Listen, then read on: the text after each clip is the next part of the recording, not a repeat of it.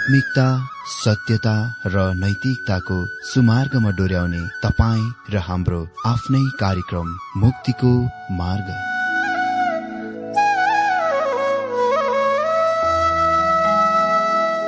आदरणीय श्रोता यस मुक्तिको मार्ग कार्यक्रममा हार्दिक स्वागत छ। आशा छ यस आत्मिक कार्यक्रमद्वारा जीवनमा आत्मिक आशिष अलौकिक शान्ति र आनन्द प्राप्त गर्नुहुनेछ। र जीवनमा धन्य अनुभव गर्नुहुनेछ। आउनुहोस् श्रोता। मन र आत्माको तयारीको लागि यो मिठो अनि मधुर भजन गीत सुनौ।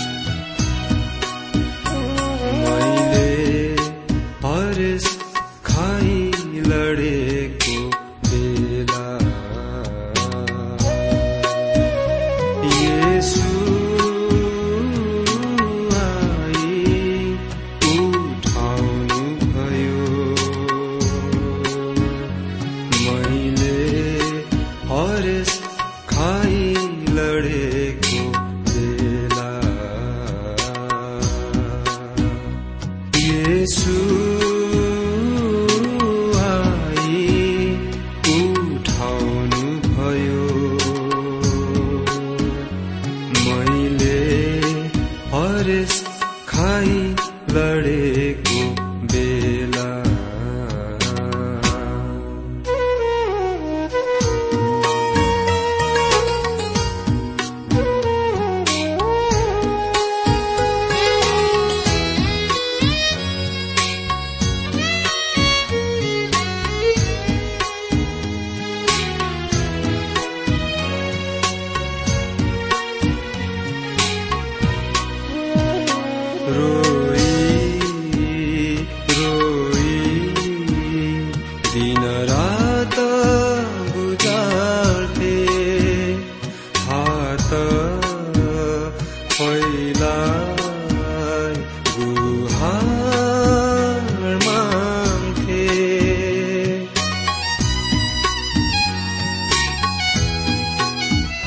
রই রই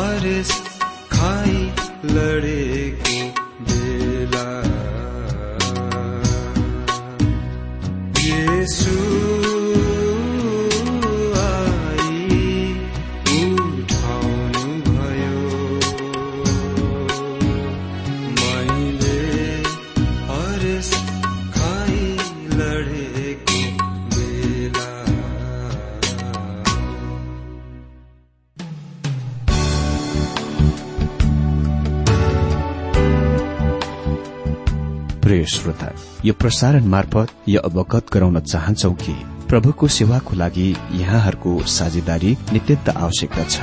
यहाँहरूले प्रार्थनाको साथसाथै आर्थिक सहायता गर्न अनुरोध गर्दछौ। तपाईँहरूको सानो भन्दा सानो भेटी किन नहोस्? हामी प्रभुको नाममा स्वीकार गर्नेछौ प्रभुको सेवाको लागि।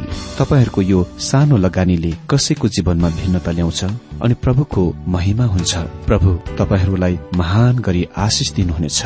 इच्छुक श्रोताहरूले तपाईँको इच्छा भेटी हाम्रो ठेगानामा पठाउन सक्नुहुन्छ जुन ठेगाना हामी कार्यक्रमको अन्तमा दिनेछौ। हाम्रो प्रभु येशु ख्रिष्टको मधुर अनि सामर्थ्यनामा मेरो जयमसी साथै हार्दिक स्वागत छ आजको यो बाइबल अध्ययन कार्यक्रममा। श्रोता आज हामी आमोस पाँच अध्यायबाट बाइबल अध्ययन गर्न गइरहेका छौं। अघिल्लो वा अध्याय चारको अन्तिम स्थितिको विवरण सहित प्रचण्ड आघातसँग त्यो बन्द गरिएको थियो। यो यस्तो देखिन्थ्यो मानौ परमेश्वरले ढोका बन्द गर्नुभयो। इन्साफ दण्ड अनिवार्य घट्ने कुरा थियो। र इसरायलको लागि कति पनि आशा थिएन। यद्यपि आमोस पाँच अध्याय भविष्यतिर पुगेर यसको अति नै धेरै स्पष्ट पार्दछन् कि परमेश्वरले तिनीहरूका अधर्मको लागि तिनीहरूलाई दण्ड दिनुहुनेछ। तापनि पहिला प्रथम पन्ध्र पदहरूमा परमेश्वर इसरायलसँग उहाँलाई खोज्न बिन्ती गर्नुहुन्छ ताकि आइरहेको दण्ड इन्साफ टालिन सकियोस्। जबकि उहाँले त्यो दण्डको अन्तिम प्रहार जुन तिनीहरूका बन्धुवा थियो कैद थियो त्यो अझसम्म नल्याउनु भएकोले गर्दा त्यहाँ तिनीहरूको निम्ति आशा थियो। मित्र आज हामी आमोस पाँच अध्याय एकदेखि पन्ध्र पदबाट बाइबल अध्ययन गर्नेछौ। यहाँ सबभन्दा पहिले आमोस पाँच अध्याय एक पद हेर्दै अगाडि बढौं। हे इसरायलका घरना हो तिमीहरूका विषयमा मैले गरेको यो विलाप सुन। मित्र उसले मृत्यु गीतको अति नै निराश शोक गीत गाइरहेका छन्। उसले अहिले सहानुभूति र दयासँग तिनीहरूसँग बात गर्दछन्। दुई पदमा भनिएको छ कन्या केटी इसरायल फेरि कहिले नउठ्ने गरी लोटेकी छ? त्यो आफ्नै देशमा त्यागेकी छ? त्यसलाई उठाउने कोही छैन।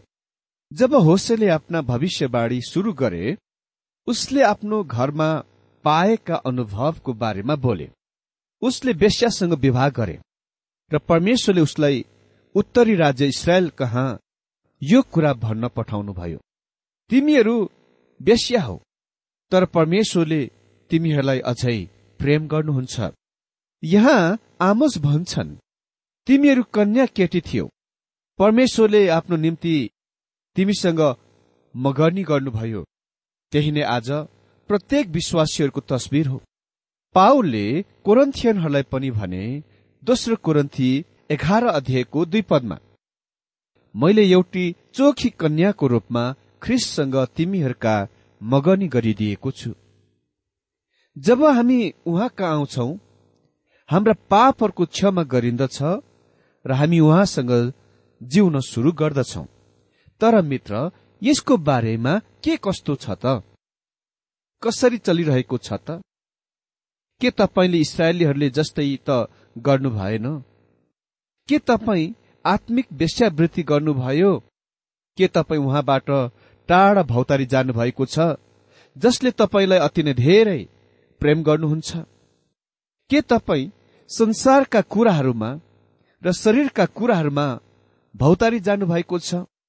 के शैतानले तपाईँको जीवनलाई डोर्याइरहेको छ नियन्त्रण गरिरहेको छ? आज धेरै विश्वासीहरू त्यस अवस्थामा छन्। यो निराश शोकित हो। लेखेको छ कन्या केटी इसरायल फेरि कहिले नउठ्ने गरी लोटेकी छे? त्यो आफ्नै देशमा त्यागेकी छे? त्यसलाई उठाउने कोही छैन। अन्तिम पदमा परमप्रभु परमेश्वर यसो भन्नुहुन्छ जुन सहरबाट इसरायलको निम्ति हजार जना बाहिर निस्किन्छन् त्यसमा एक सय मात्र रहन्छन्। सय जना बाहिर निस्कनेका दस जना मात्र बाँच्नेछन् जुन सहरबाट हजार जना बाहिर निस्कन्थे त्यसमा एक सय मात्र बाँच्दछन् आमोस भनिरहेका छन् परमेश्वरसित भेट गर्न तिमीहरू तयार भएर हो हेर त्यति संख्यामा मानिसहरू मारिनेछ। सय जना बाहिर निस्केका दसजना मात्र बाँच्नेछ। यी ती मानिसहरू हुन् जो त्यस मुलुकमा छोडिनेछन्। तर तिनीहरूका ठूलो संख्या चाहिँ मारिनेछ आमोसको कुरालाई सुन्नुहोस्। यो इसरायल राष्ट्रलाई अन्तिम बोलावट हो। चार पदमा इसरायलका घरनालाई परमप्रभु यसो भन्नुहुन्छ। मलाई खोज र बाँच। यो निमन्त्रण अझै खुला छ। वचन बाहिर गइसकेको छ। परमेश्वर तिनीहरूलाई उहाँ कहाँ फर्की आउनलाई भनिरहनु भएको छ। यदि तिनीहरू यस बखतमा समयमा पनि उहाँ कहाँ फर्किआए।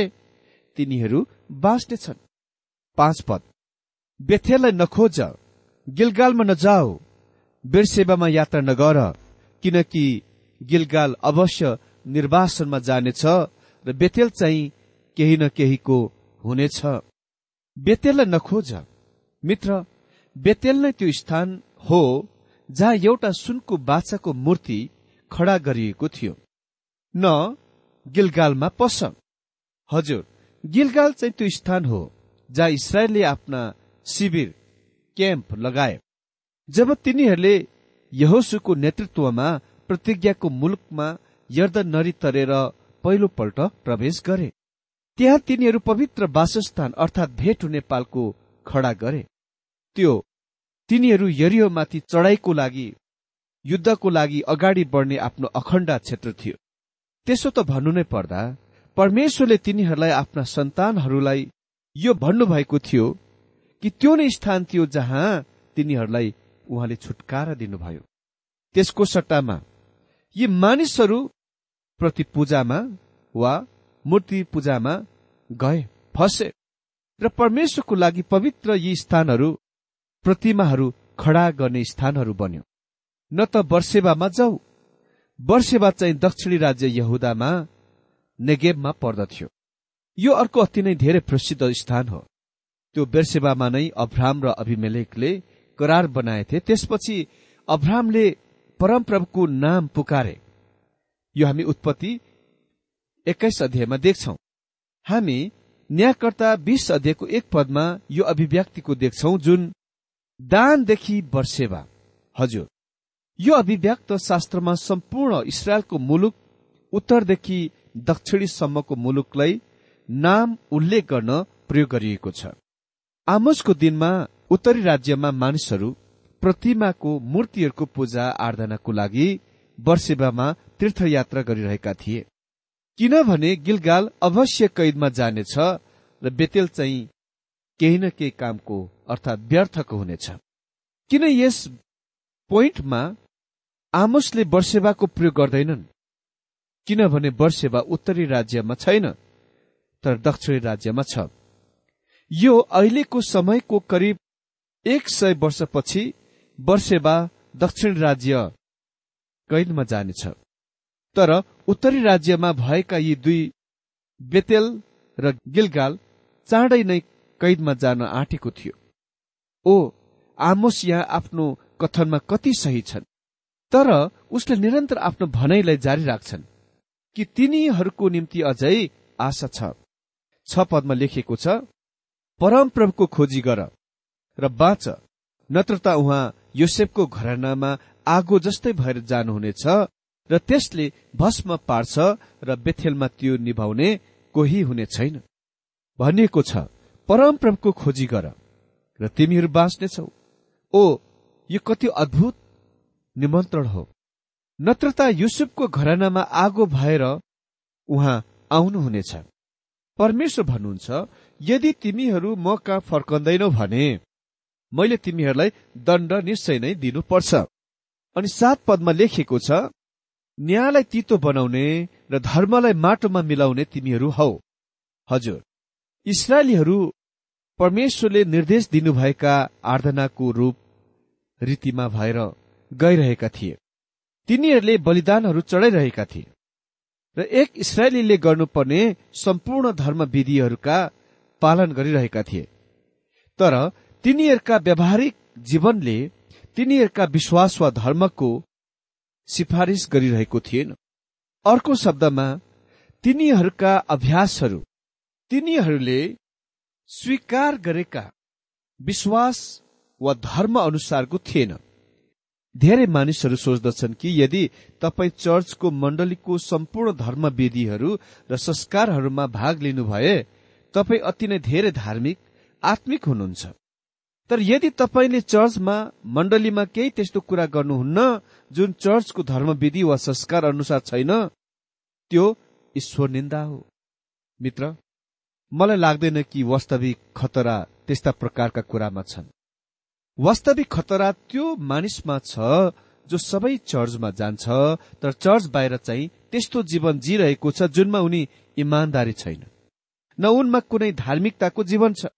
देखावटी रूपमा चाहिँ धर्मी तर भित्री हृदयमा र व्यवहार र अभ्यासमा चाहिँ सैतानी। यस्ता कुरालाई परमेश्वर इसरायलीहरूको जीवनमा निन्दा गरिरहनु भएको छ। यो नै कुराले आज सुसमाचारको कुराको आघात गरिरहेको छ। यो नै कुरा सुसमाचारको ठक्कर खाने ढुङ्गो भएको छ। धेरै ख्रिस्टियनहरू यो कुराको उल्लेख गरेको चाहँदैनन्। किनभने तिनीहरू ख्रिस्टियन काममा सक्रिय छन्। तर प्रभुको लागि आफ्ना व्यापारहरूमा सामाजिक जीवनहरूमा जिउने कामहरूमा त्यति सक्रिय छैनन्। म एकजना मानिसलाई चिन्दछु जो विवाहित थिए र चर्चमा अति नै धेरै सक्रिय थिए। मलाई लाग्दैन कि चर्चभित्रको कुनै पनि क्रियाकलापहरूमा उनी सक्रिय थिएनन्। सबैमा सक्रिय थिए। तर उनी चर्चको एकजना स्त्रीमा पनि सक्रिय थिए। अनि उसलाई त्यसको लागि चर्चबाट बाहिर निकालिए। अनि मैले धेरै विश्वासीहरू भनाउँदाहरू देखेको छु जो विश्वासीहरू हुँ भनी दावी गर्दछन् तर तिनीहरूका जीवनशैली अभ्यास हेर्नुहुन्छ भने तपाईँ हैरानी हुनुहुन्छ। आमोसले यहाँ यस्तो बोक्रे विश्वास पाखण्डी विश्वासको धर्मको निन्दा गर्दछन्। त्यो नै उसको सन्देशमा आधारभूत कुरा थियो। हामी आफैलाई बाहिर देखावटीमा कति धेरै धर्मी देखाउँ र कति धेरै चर्चमा र अन्य चर्चका क्रियाकलापहरूमा धेरै भाग लिउँ त्यो महत्वपूर्ण होइन। तर महत्वपूर्ण कुरा चाहिँ हामी कस्तो प्रकारको जीवन जिरहेका छौं? वा के हाम्रो जीवनले हाम्रो अंगीकारको हाम्रो विश्वासको प्रकट गरिरहेको छ? त्यो महत्वपूर्ण हो। अनि आठ पदमा लेखिएको छ किरकिटी र मृगशिरा तारा समूहलाई सृजन हुने र घोर अन्धकारलाई प्रभात कालको उज्यालोमा परिवर्तन गर्नुहुने दिनलाई अध्यारो पारेर रात बनाउनुहुने जसले समुद्रको पानीलाई बोलाउनुहुन्छ र त्यसलाई जमिनमा खन्याउनुहुन्छ उहाँको नाउँ परमप्रभु नै हो। फेरि यो परमेश्वरको दयालु अनुग्रही बोलाउट हो। परमेश्वर धीरजी हुनुहुन्छ। मभन्दा धेरै परमेश्वर कति हो धेरै धेरै धैर्यवान हुनुहुन्छ।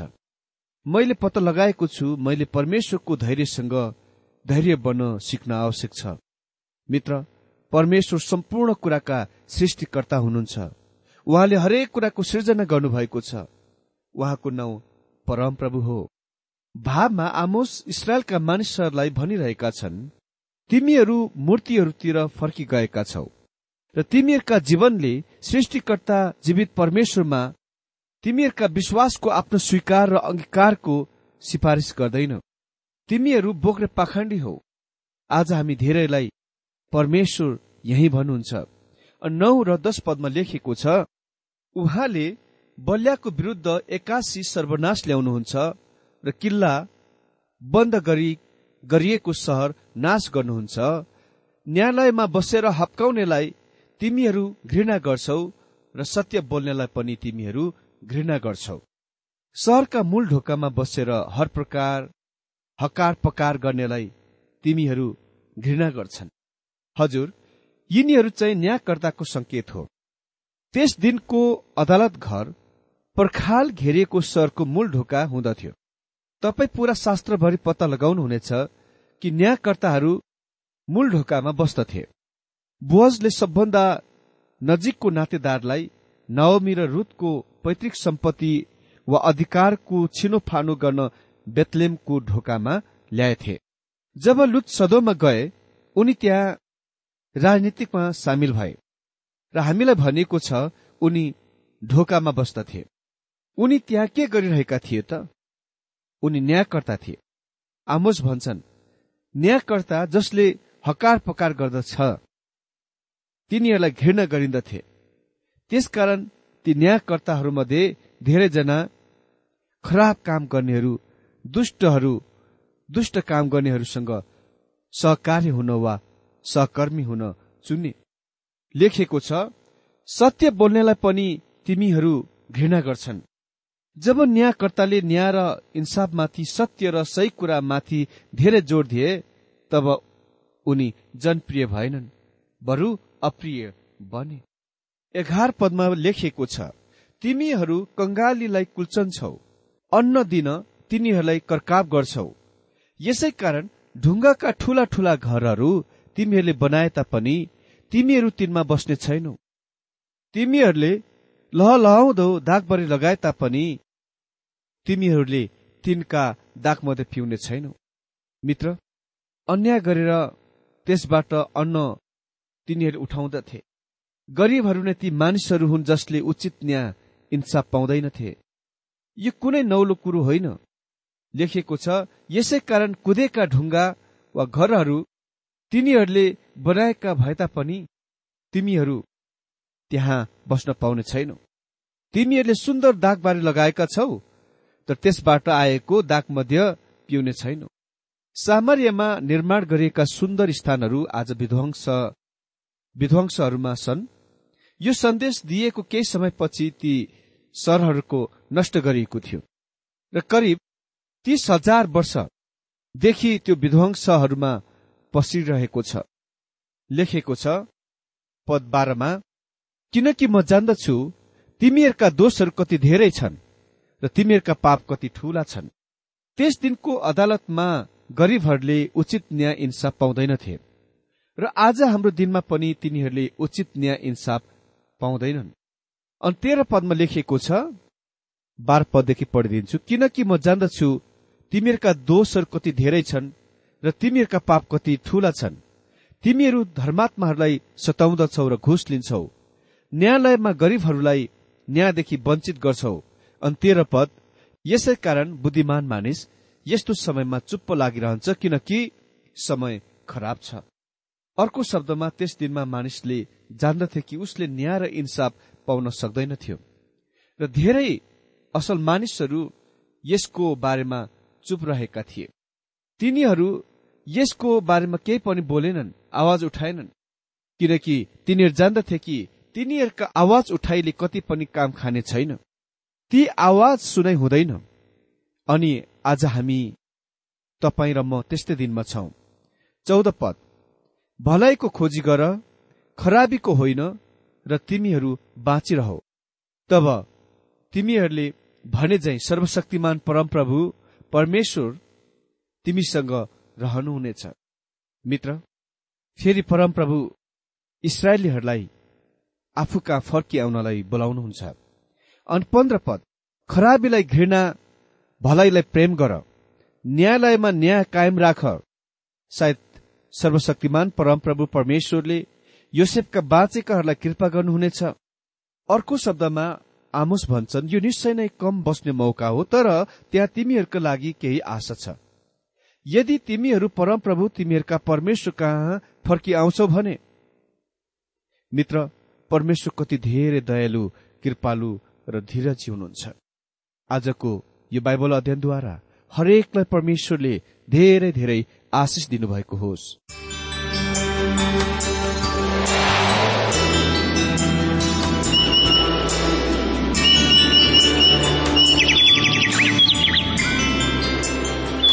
प्रिय श्रोता अहिले भर्खरै तपाईँले टीडब्ल्यूआर नेपालद्वारा सञ्चालित आत्मिक कार्यक्रम मुक्तिको मार्ग सुनिरहनु भएको थियो। श्रोता आजको यो कार्यक्रम सुनेर तपाईँलाई कस्तो लाग्यो? यदि यो कार्यक्रम सुनेर मनमा कुनै खुल्दुली वा कुनै प्रतिक्रिया अर्थात सुझावहरू छन् भने हामीलाई पत्रद्वारा लेख्न सक्नुहुनेछ। हामी हृदयदेखि नै स्वागत गर्नेछौ स्वीकार गर्नेछौ साथै बाइबल सम्बन्धित प्रचारहरू कार्यक्रम सारणीहरू हामी अनुरोधमा पठाउन सक्छौ। अनि तपाईँसँग कुनै प्रार्थनाको विषय छन् भने हामीले तपाईँको लागि प्रार्थना गरेको चाहनुहुन्छ। भने प्रभुमा आफ्नै परिवार सम्झेर हामीलाई पत्रमा लेख्न सक्नुहुनेछ। तपाईँको लागि हामी प्रभु येशुसँग प्रार्थना गर्नेछौ। अधिक जानकारी र पत्रचारको लागि हाम्रो ठेगाना यस प्रकार छ।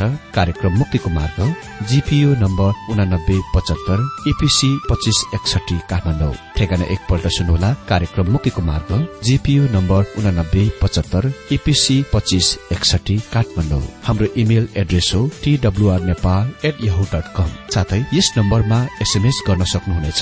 अन्ठानब्बे चार सत्तरी पैतिस छ सय उनासी नौ आठ चार सात जिरो तीन पाँच छ सात नौ। हुन्छ श्रोता आजलाई हामी विदा चाहन्छौ। अर्को कार्यक्रममा हामी पुनः भेट्नेछौ तबसम्मलाई नमस्कार।